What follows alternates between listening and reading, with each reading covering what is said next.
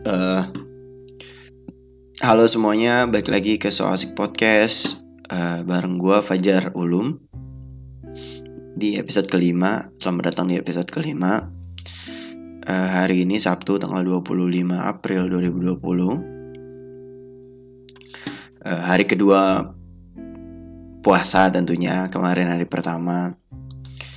Gimana hari pertama puasa? Apakah ada perubahan ketika kita menjalankan bulan puasa di di di tengah pandemi COVID-19 ini gitu. Banyak hal yang berubah sebenarnya.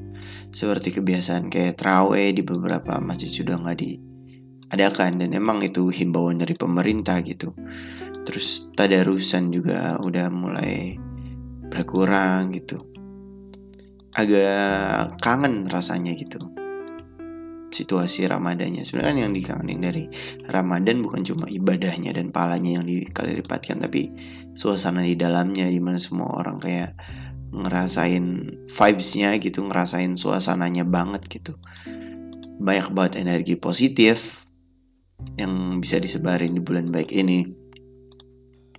Tapi hari pertama puasa menyadarkan gue kalau sebenarnya semua balik lagi ke kitanya masing-masing ya sih. Maksudnya kayak bukan soal tempat bukan soal situasinya tapi tentang kita dengan yang di atas kita dengan dengan Tuhan gitu. Dan itu mengajarkan mengajarkan dan mengingatkan gue kalau untuk kembali ke dasar gitu. Sebenarnya inti dari ini semua bukan tentang suasananya juga gitu tapi tentang elunya sendiri dengan Tuhan gitu. Sama ketika hari ini lu sholat di rumah atau lu sholat di masjid feelnya tuh harus sama gitu feelnya tuh harus sama lu lagi uh, lu lagi sholat gitu. Lu lagi berhadapan langsung dengan Tuhan. Lu lagi meminta gitu doa di masjid atau doa di ini feelnya harus sama gitu.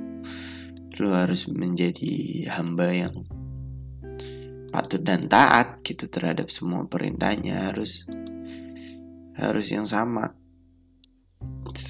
Ya mengajarkan kita untuk kembali ke dasar lah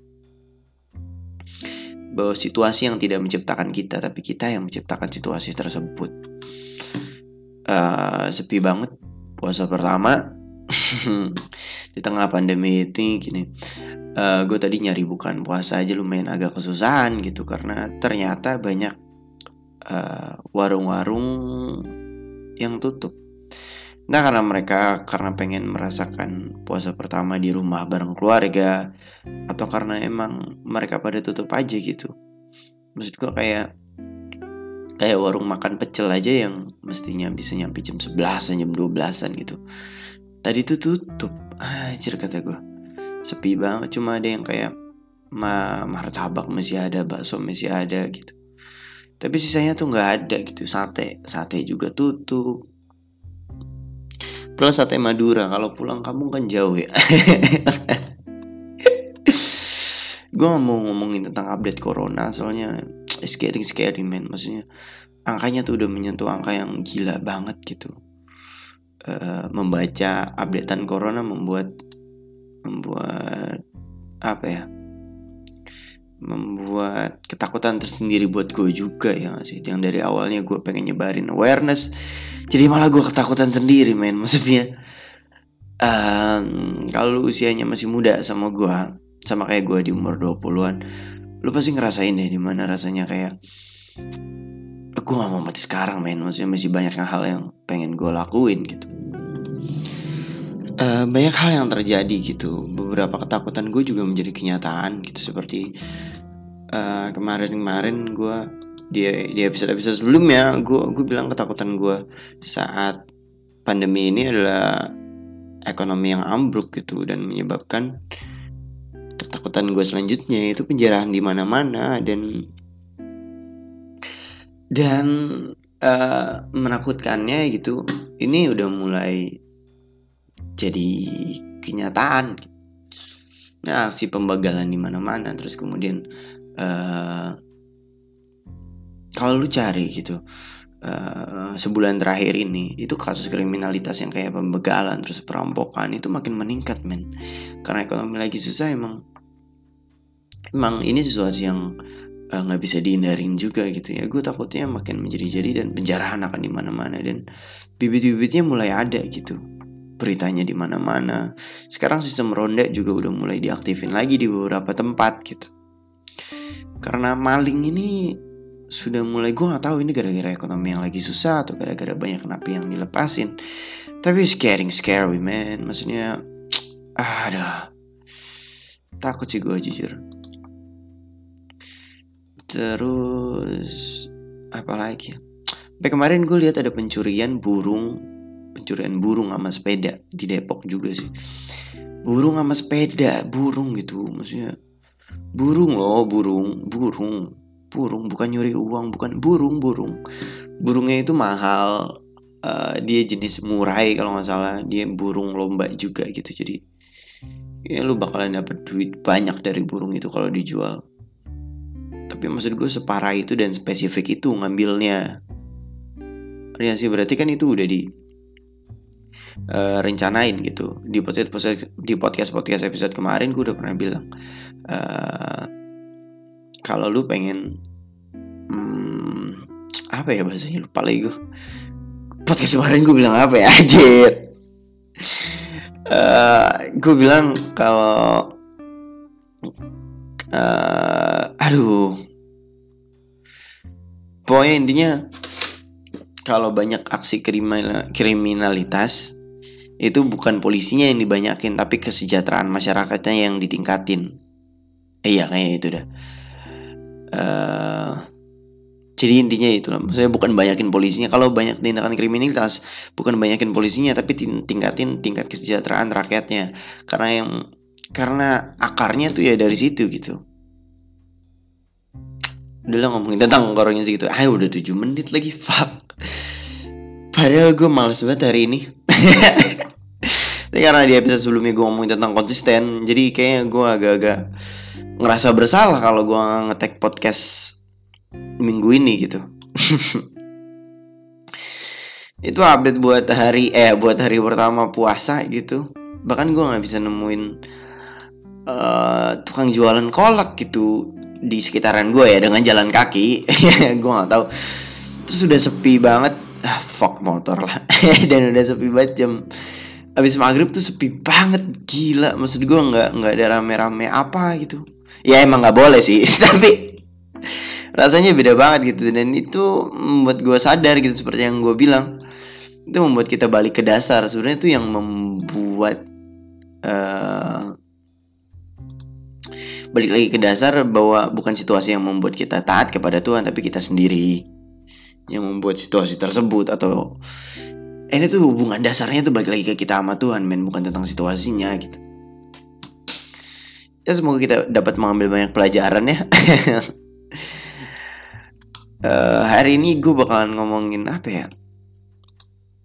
Uh, mungkin dari tiga episode terakhir gue mulai ngulik ngulik-ngulik materi juga. Setelah di episode pertama sama kedua gue ah, ngomong asal ngomong gue punya kebiasaan untuk nyatet uh, sesuatu yang nyangkut di otak gue terus lalu kemudian gue kulik gitu dan akhirnya sekarang ya jadi materi podcast. Uh, eh jatuh lagi ntar dulu. Uh, hmm, kita mulai ada apa aja yang ada di notape gua gitu. Yang pertama, gua nggak tahu ini dari mana sih muncul ini. Gua gua aja sampai lupa gitu kapan gua nulis ini. Tapi gua nulis Neil Armstrong dengar azan di bulan dan masuk Islam gitu. Kita eh kita, kita waktu gua kecil nih gue tuh dapat berita eh dapat berita ini denger kabar ini tuh kayak wow dia denger azan di bulan dan masuk Islam gitu wah ini sekali ya. Sangat menginspirasi gitu untuk anak kecil seperti gue gitu. Sampai akhirnya gue sadar gitu. Hmm, emang di luar angkasa kita bisa denger azan apa gimana sih? Gue gak tahu soalnya menurut gue nih yang yang gue pelajari di SD di SMP dan di SMA jadi luar angkasa tuh nggak ada medium suaranya gitu hampa aja gitu hampa udara gitu. Kayak di sini kan ada medium suaranya kayak ud udara gitu. Kalau di luar angkasa nggak ada gitu. Jadi kalaupun di situ ada azan ya mungkin di headsetnya Neil Armstrong gue nggak tahu men. Kayak nggak ada kayak nggak kayak nggak ada kayak nggak dia nggak denger azan dan nggak masuk Islam deh.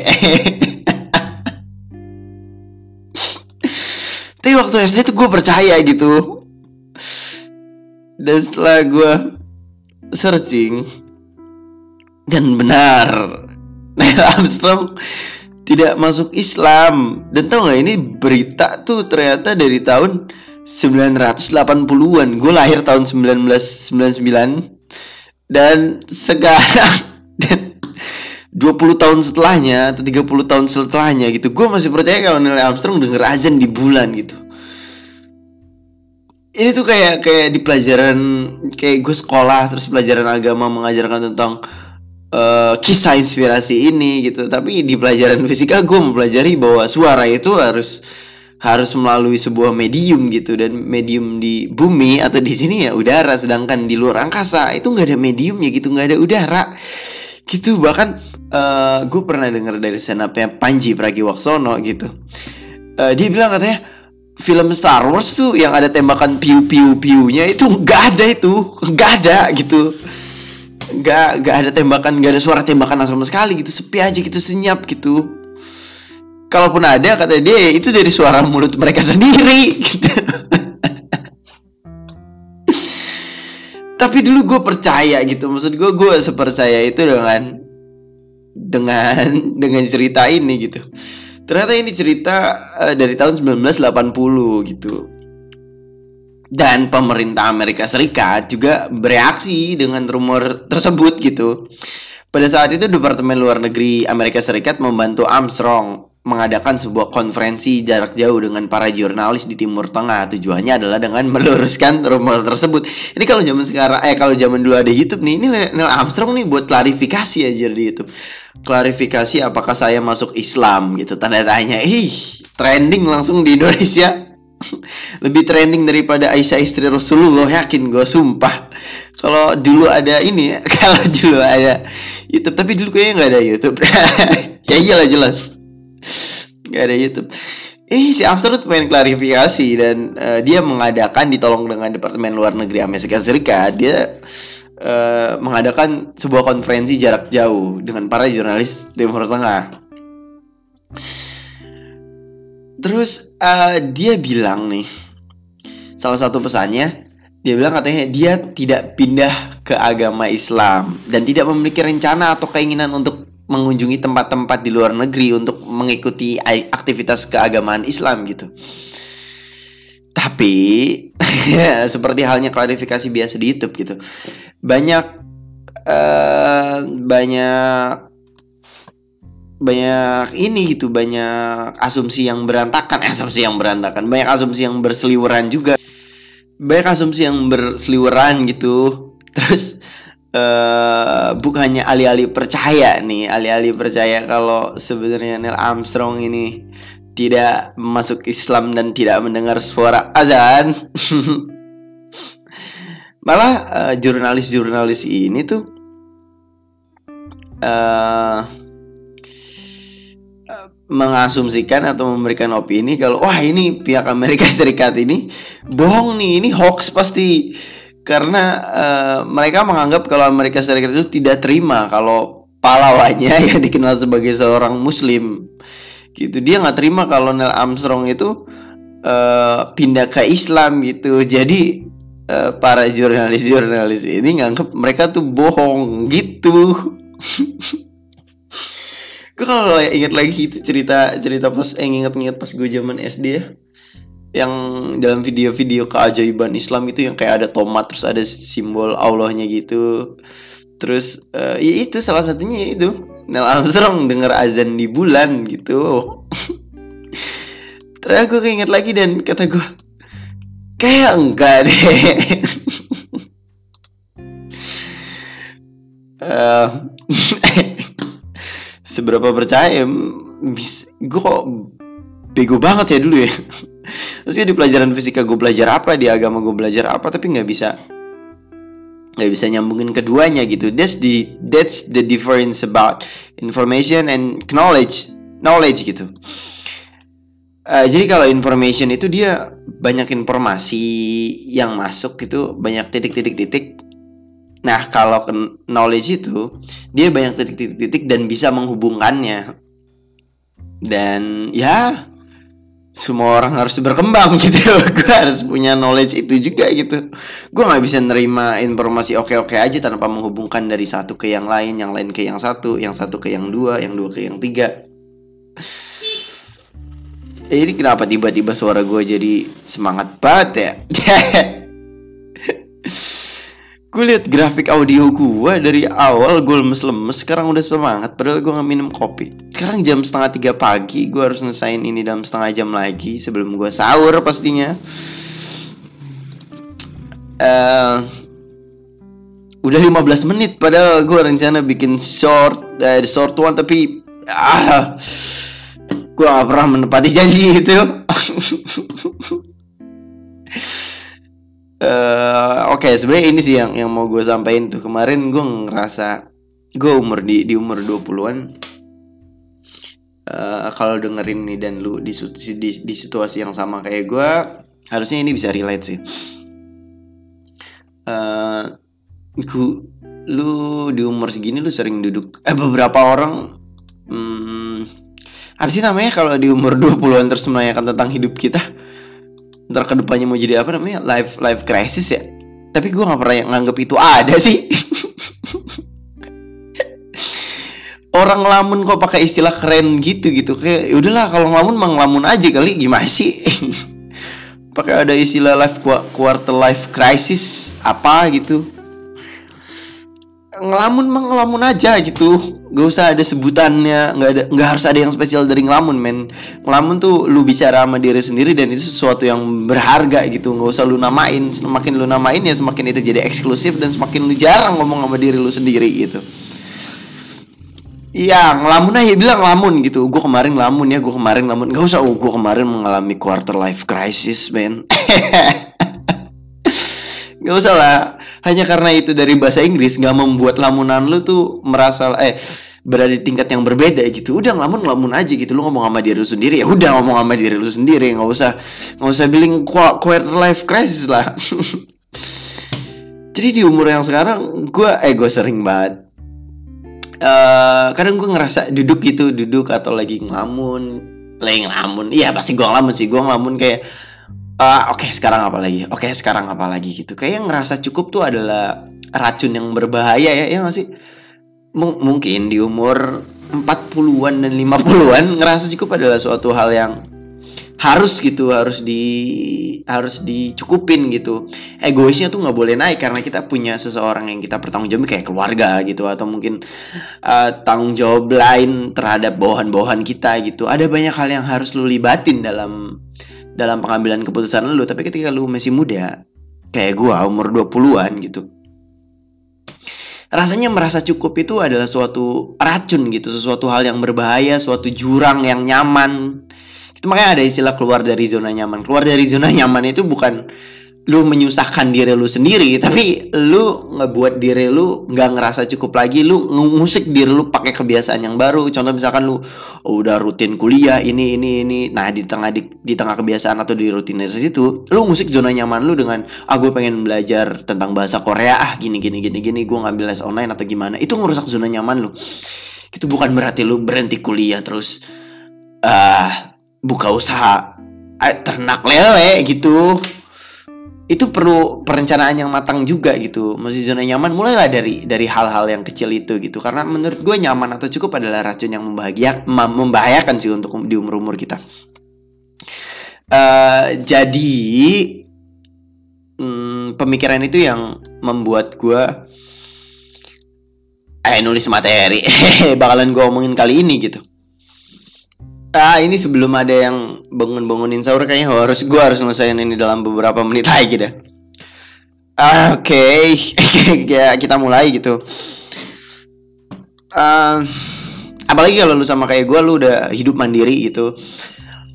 ngerasa cukup udah punya penghasilan sendiri gitu itu bakal ngebuat lu apa ya ngerasa kayak cukup dan ngerasa nyaman banget gitu sehingga lu sehingga lu nggak ngejar banyak hal lagi gitu. Dan dan ngerasa cukup ini bahaya banget kata gue gue harus musik diri gue dengan sesuatu hal yang baru. Gue harus set up beberapa mimpi lagi gitu. Gue harus uh, mulai mulai ngusik zona nyaman ini gitu. Dan lu pasti ngerasa lah kalau lu ada di zona itu gitu. Ketika lu menjalani semuanya dengan baik-baik saja gitu lu harus sadar gitu anjir ini nggak baik-baik aja nih nggak bisa gini nih maksudnya. Gue nggak boleh nyaman sama situasi ini apalagi di umur kita yang masih muda gitu. Jadi apa aja yang harus kita lakuin di umur 20 uh, eh, yang pertama men menata rencana kehidupan hidup ke depannya ya gue gua nggak pernah nge set up ini sih.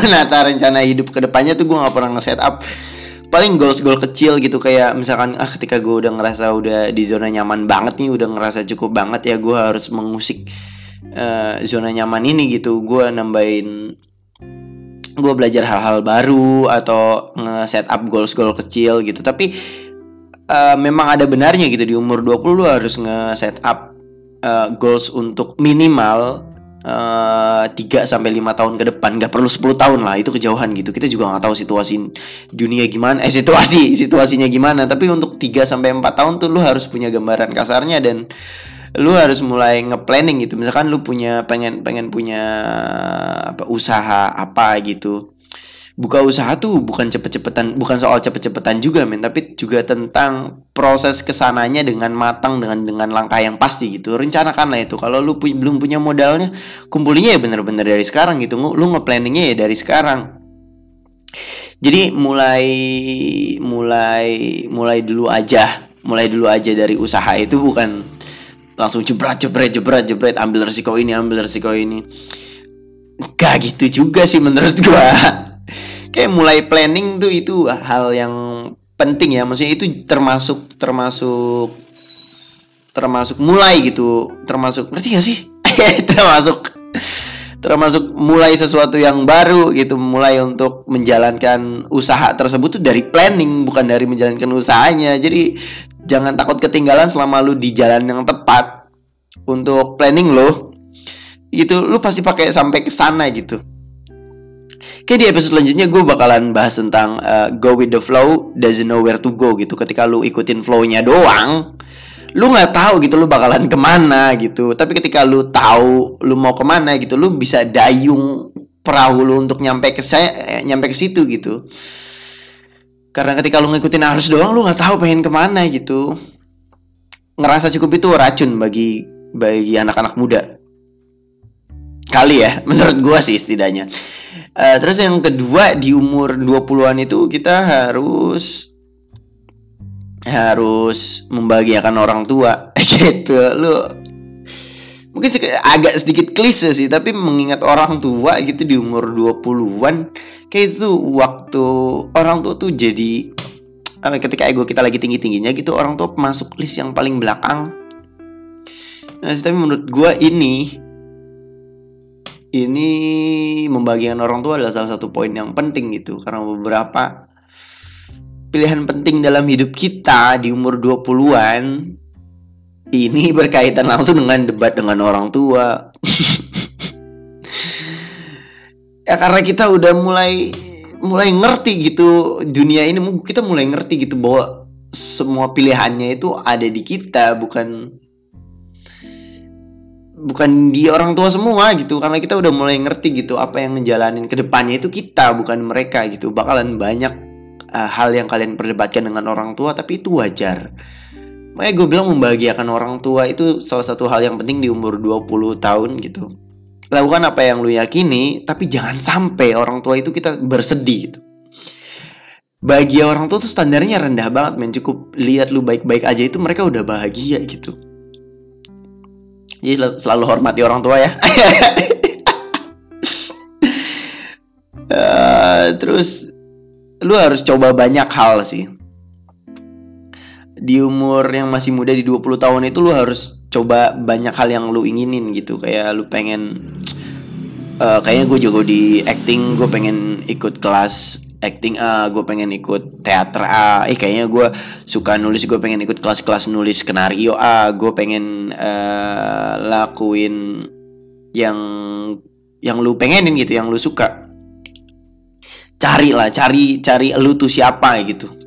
Ini waktu yang tepat dan semakin banyak lu nyoba ya semakin lu tahu gitu lu itu siapa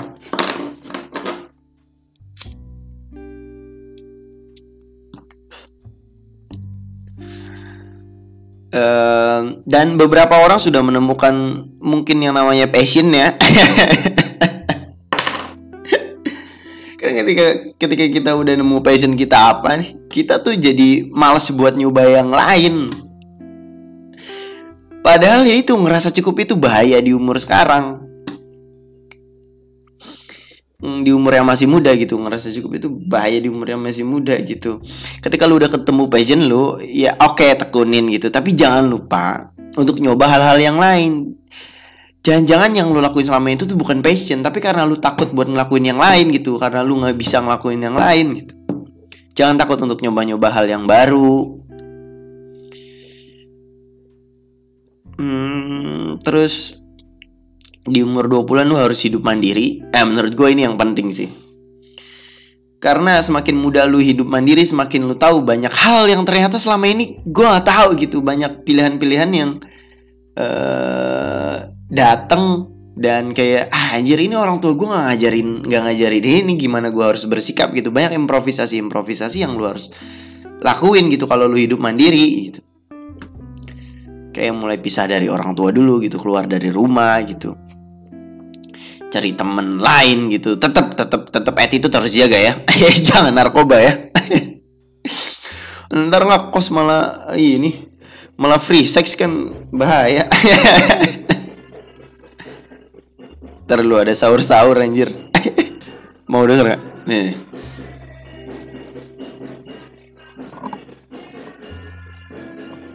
Dengerin gak sih sahur sahurnya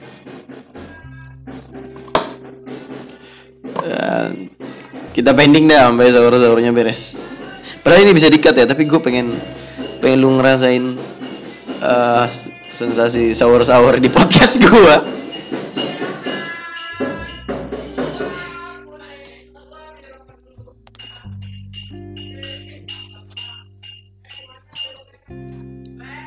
masih nge-set up alat kayak mereka.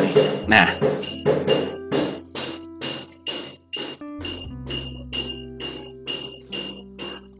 masih cek sound nih kayaknya nih. Masih 241 sih tapi kayaknya mereka masih cek sound. Nah udah mulai itu dah dah dah dah dah dah. Sahur sahur.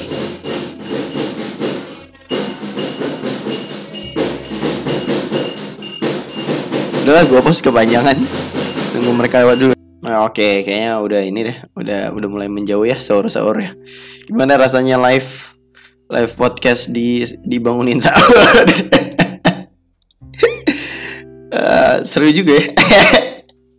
Biasanya ngerekam jam segini tuh nggak ada gangguan, tapi karena di bulan Ramadan. Oke okay, lanjut ya. Terakhir sampai mana kita? Nyampe hidup mandiri ya, lu harus keluar dari rumah sih kayak ya mulai ngekos atau nyari kosan gitu.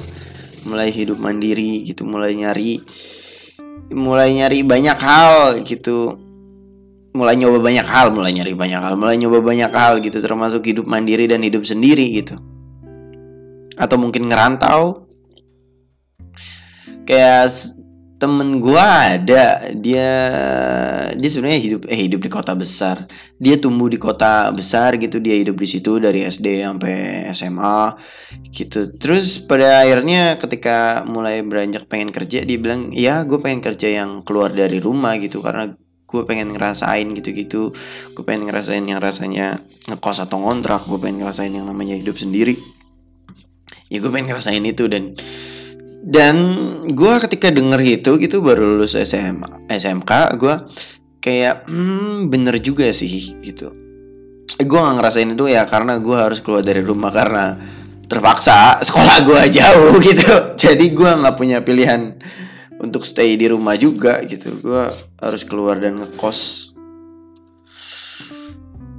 Ya, mulai hidup mandiri. Kemudian di umur 20-an ini lu harus mulai pinter-pinter berinvestasi uh, gue gue tahu sih investasi-investasi ini yang ada di otak lu kayak uh, trading, trading terus habis itu apa namanya Alan Suryajana lah, terus habis itu binomo lah. Banyak. Tapi kalau lu mau belajar investasi sedini, tapi kalau lu mau belajar investasi sedini mungkin ya itu hal yang bagus gitu. Karena investasi di umur yang sangat muda itu uh, bakalan ngasilin yang banyak pula di kemudian hari gitu. Mulai deh belajar belajar sedikit tentang investasi investasi ini gitu. Karena sekali lu mulai nyoba biasanya lu mulai ketagihan tuh ketagihan buat belajar lebih jauh belajar lebih jauh mencoba hal-hal baru. Semua sih semua yang mencoba hal-hal baru lu harus uh, tertarik dulu. Tapi ketika ketika lu udah tertarik nih ya lu mulai mulai uh, nyelemin itu bener-bener dalam. Di umur 20 lu harus ah mempelajari banyak hal yang baru. Pastilah. Terus di umur 20 lu harus memulai hubungan yang serius lu harus bangun lu harus lu nggak boleh nyanyain hidup lu gitu di umur 20-an dengan dengan banyak pasangan gue nggak tahu sih ya ini ini pilihan banget sih tapi memulai sebuah hubungan serius bukan saran yang jelek gitu. mulailah menatap menatap siapa yang ada di sebelah lu dan siapa yang bisa lu ajak sampai sampai tua nanti gitu sampai bener-bener menutup usia, usia gitu. Lihat pasangan lu sekarang gitu terus lu uh, lihat chatnya lihat fotonya gitu. Terus lu mikir gitu ini orang bisa ya nggak ya? Tiap hari tiap gua buka mata nih ada orang ini di sebelah gua lu bisa nggak? Kalau nggak bisa udahin aja men. Maksudnya kayak uh, lu sekarang udah umur 20 gitu lu nyari nyari sesuatu eh nyari sesuatu lu udah bukan nyari yang main-main lagi tapi lu harus nyari yang serius juga gitu. Kriteria yang harus harus lu ambil. Lu nggak butuh pasangan yang sempurna sempurna banget sih. Jadi lu lihat pasangan lu sekarang terus apakah lu bisa bisa tahan dengan semua kekurangannya gitu untuk sampai nanti lu bisa ngebayangin dia bangun di sebelah lu tiap pagi lu bisa ngebayangin dia nyambut lu ketika lu punya pulang kerja gitu diskusi banyak hal uh, atau ber, berdialog hal-hal remeh tentang acara stasiun TV atau tentang acara di radio. Gitu mulai melihat hal-hal itu gitu mulai melihat apakah pasangan lu yang sekarang adalah orang yang tepat.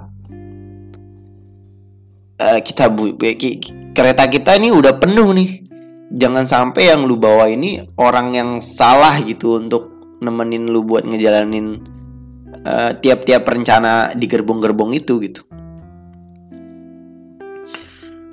Um, kayaknya hari ini cukup ya. Cukup eh cukup singkat. Udah 33 menit. Ya gua ke 40-in aja kali ya.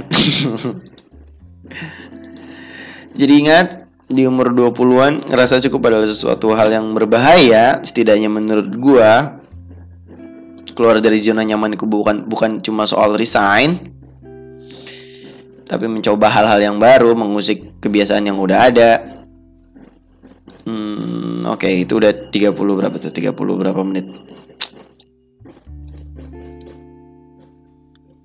Ini yang sahur-sahur udah mulai balik lagi nih Masalahnya Gue harus cepet Eh gue harus cepet-cepet Gue udah gak genepin ke 40 Tapi gue bingung mau ngomongin apa lagi. Uh, Lagu kali ya Lagu la, Lagu. Eh ya akhir-akhir ini gue denger lagu-lagu lama lagi. Kayak High Hopes dari Code Line sama One gue lagi dengerin itu lagi berulang-ulang gitu. Sama ya showernya balik-balik lagi yaudah ya udah udah udah dulu deh sampai sekarang. Gue juga mau bikinin nyiapin sahur. Uh, bye buat semuanya. Bye